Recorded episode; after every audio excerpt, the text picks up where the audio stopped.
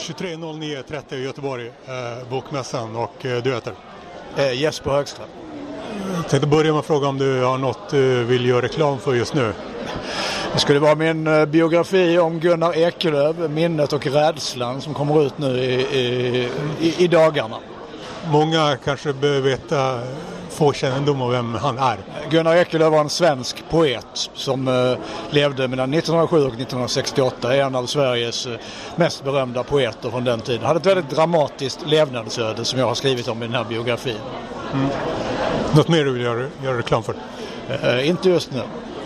Ja, men då, eh, jag, jag vissa brinnande, något som jag tycker är irriterande med, med fotbollsvärlden generellt eh, som jag ville ta upp med någon bara. och, Du är en passande person, speciellt här på Bokmässan. Men jag undrar vad du, vad du tycker om eh, eh fotbollskommentatorer som eh, någon som gick och la en, la en flyer på det här bordet. Fotbollskommentatorer som är poetiska och eller teatraliska och som tycker att de själva är väldigt sköna och som eh, enligt mitt tycke förstör historiska idrottsögonblick.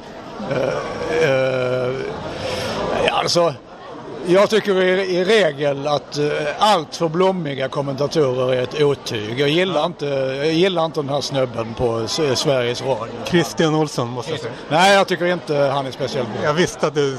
Jag, jag brukar ofta inte prata om folk som inte är här och kan försvara sig men där vill jag signalera att jag känner samma sak och eh, det är givet att det är den personen. Hur, jag- hur kan... Alltså jag, jag har skrivit till SR och tyckt att det är en jävla skandal att han får förstöra idrottsögonblick. Men de tycker helt annorlunda och de hävdar att många, eller jag kan tänka mig att kanske många tycker att han är skön ändå. Men jag skulle säga att det är folk som inte eh, kan tillgodogöra sig historiska ögonblick på rätt sätt. Om de hade gjort det så hade de inte gillat att, gillat att, ha, att ha sånt vid de tillfällena tror jag. Ja, så kan det mycket väl vara. Alltså, men jag, jag måste säga, jag, jag stör mig ju eh, lika mycket och mer på alla de här fotbollsklyschorna som finns i alla eh, liksom ytor och stekhet och tusan. Framåtlutad är ju den senaste klyschan. Jag tycker liksom... Kommer... Vinna fotbollsmatcher, den Ja, frasen. exakt. Var det Lagerbäck som började med den? Tror du?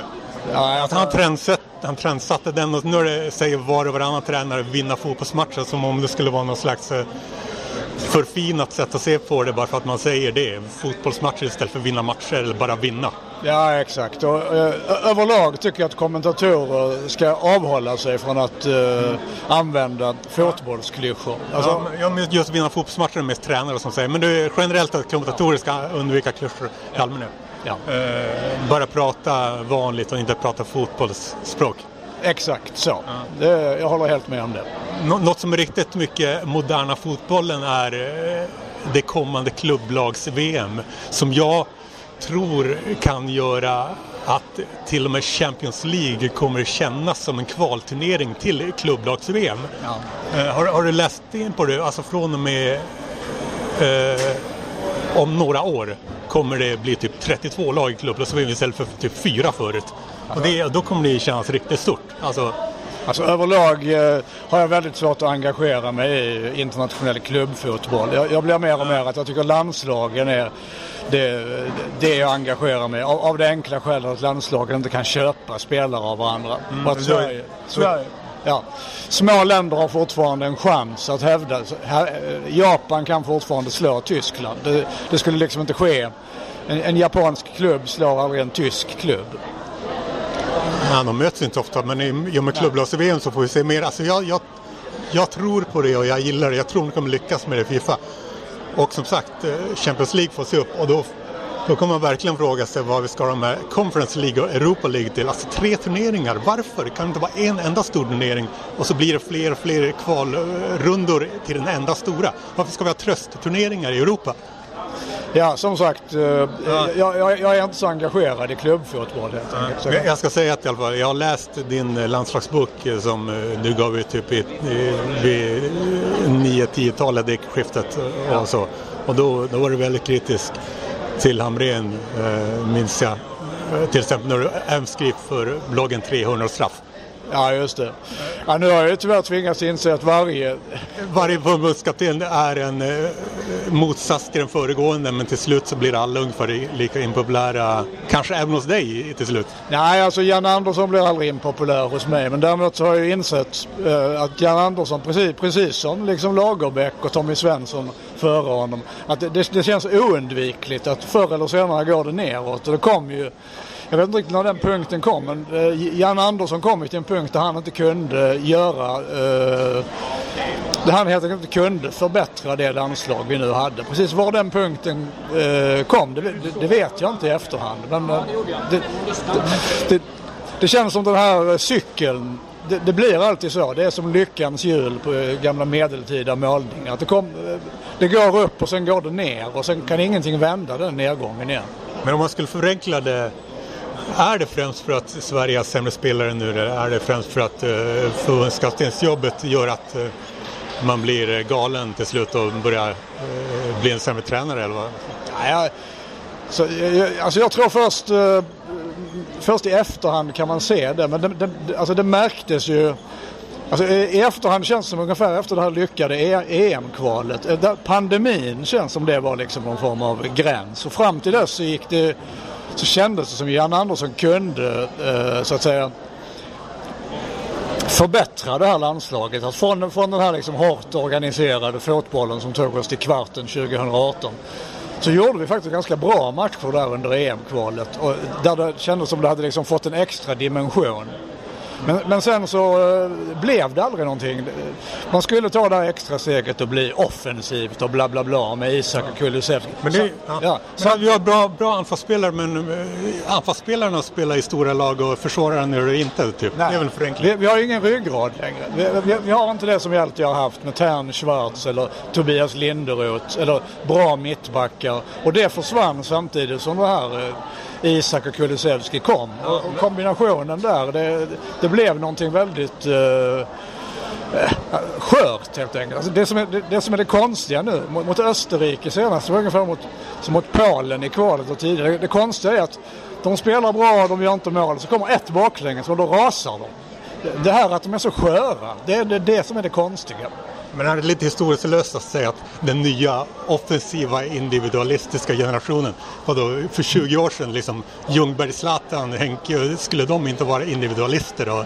Ja, det är, det är lite historielöst. Men, men, men liksom Henke, Zlatan och de, de, de hade ju ändå en grund, i, åtminstone i svenska landslaget, en väldigt, väldigt tydlig struktur. Och då hade man ju spelare som, som Olof Mellberg. Men skulle dagens uh, anfalls stjärnor vara mycket mer individualistiska än dem? Vad tror du? Alltså, ingen blev väl mer individualist än Zlatan var. Alltså, Exakt. Ja. Och Ljungberg och... Nej, det, nej det, det, alltså det tror jag inte. Alltså, men, alltså du ser ju det här, redan på Tommy Svenssons tid var det så här att... Brolin liksom bojkottade landslaget, Dahlin superego. Alltså. Ja, ja, ja. Och, och, och det var liksom samma sak där att Tommy Svensson skulle ju utveckla den svenska stilen och, och, och, Per Zetterberg skulle ha en fri roll på mittfältet och vi skulle bli mer eh, ja, sådär, kreativa som alla vill att svenska landslaget ska vara. Och, och då plötsligt liksom funkar det ingenting längre. Eller, det, det... Så all, allt det ska du vill slå fast en eh, permanent eh, defensiv inställning för landslaget? Kan man... Nej, nej alltså det, det, det, vill jag inte. Jag, bara, jag tycker mig bara observera att det, det är samma cykel om och om igen. Uh, att det börjar med det börjar med en förbundskapten som har en, tydlig, som har en linje som, som blir framgångsrik och sen så plötsligt så är den linjen inte framgångsrik längre. Och, och det blir extra tydligt när, när, den linjen har varit så pass framgångsrik som den har varit med Jan Andersson och innan dess med Lagerbäck och Tommy Svensson. Mm. Sen Hamrén var inte framgångsrik någonsin. Det, det, men... Nej, men han, eh, han gjorde inte fiasko heller. Det var väl mittemellan skulle jag vilja säga. Och han har ju en riktig fjäder i hatten och det är Berlin. Ja, men eh, det kvalet blev ju ingenting heller. Berlin var en enda match. Ja, exakt. Det är jag menar. Den.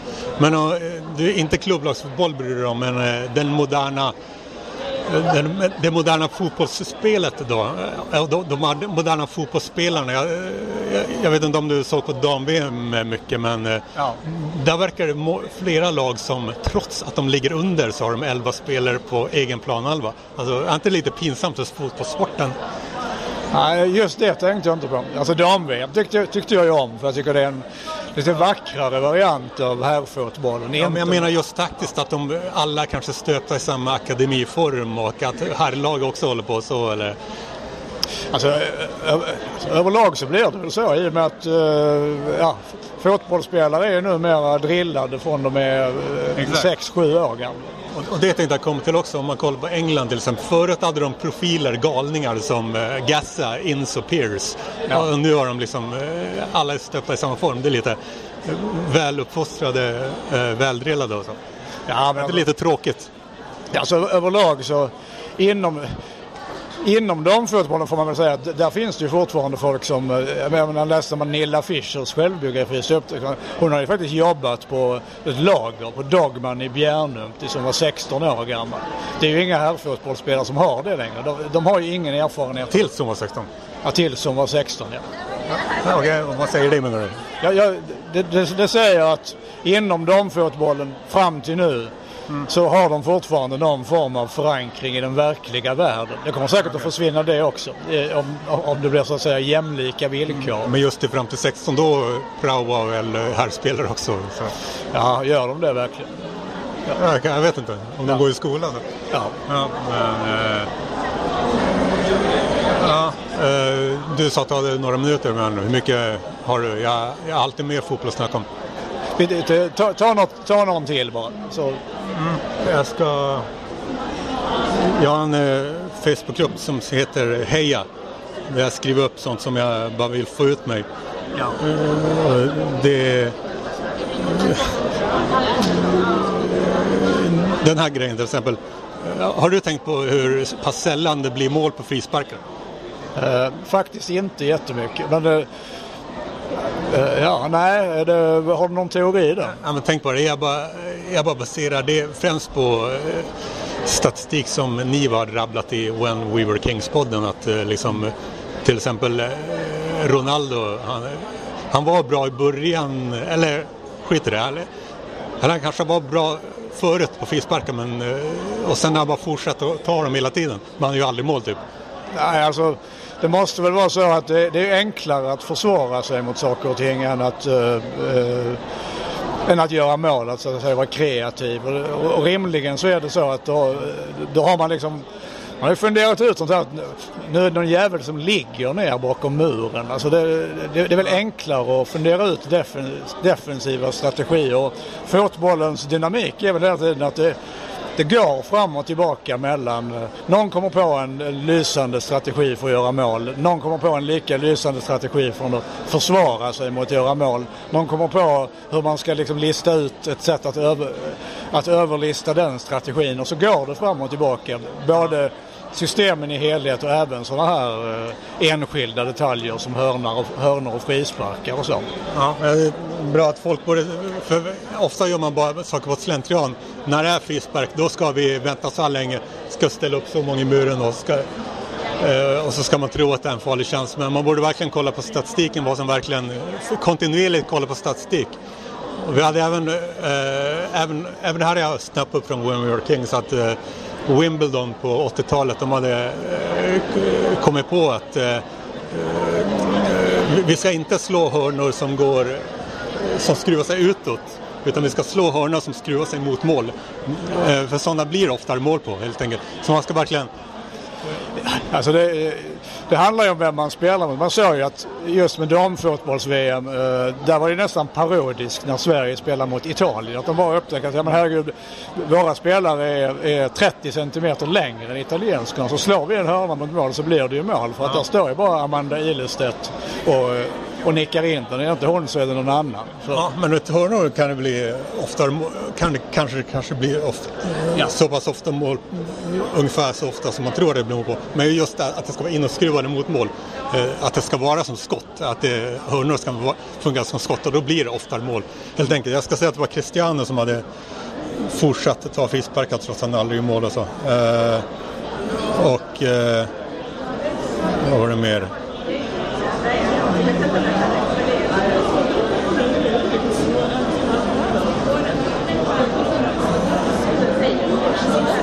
Fan, nu glömde jag bort vad det var. Men... Eh,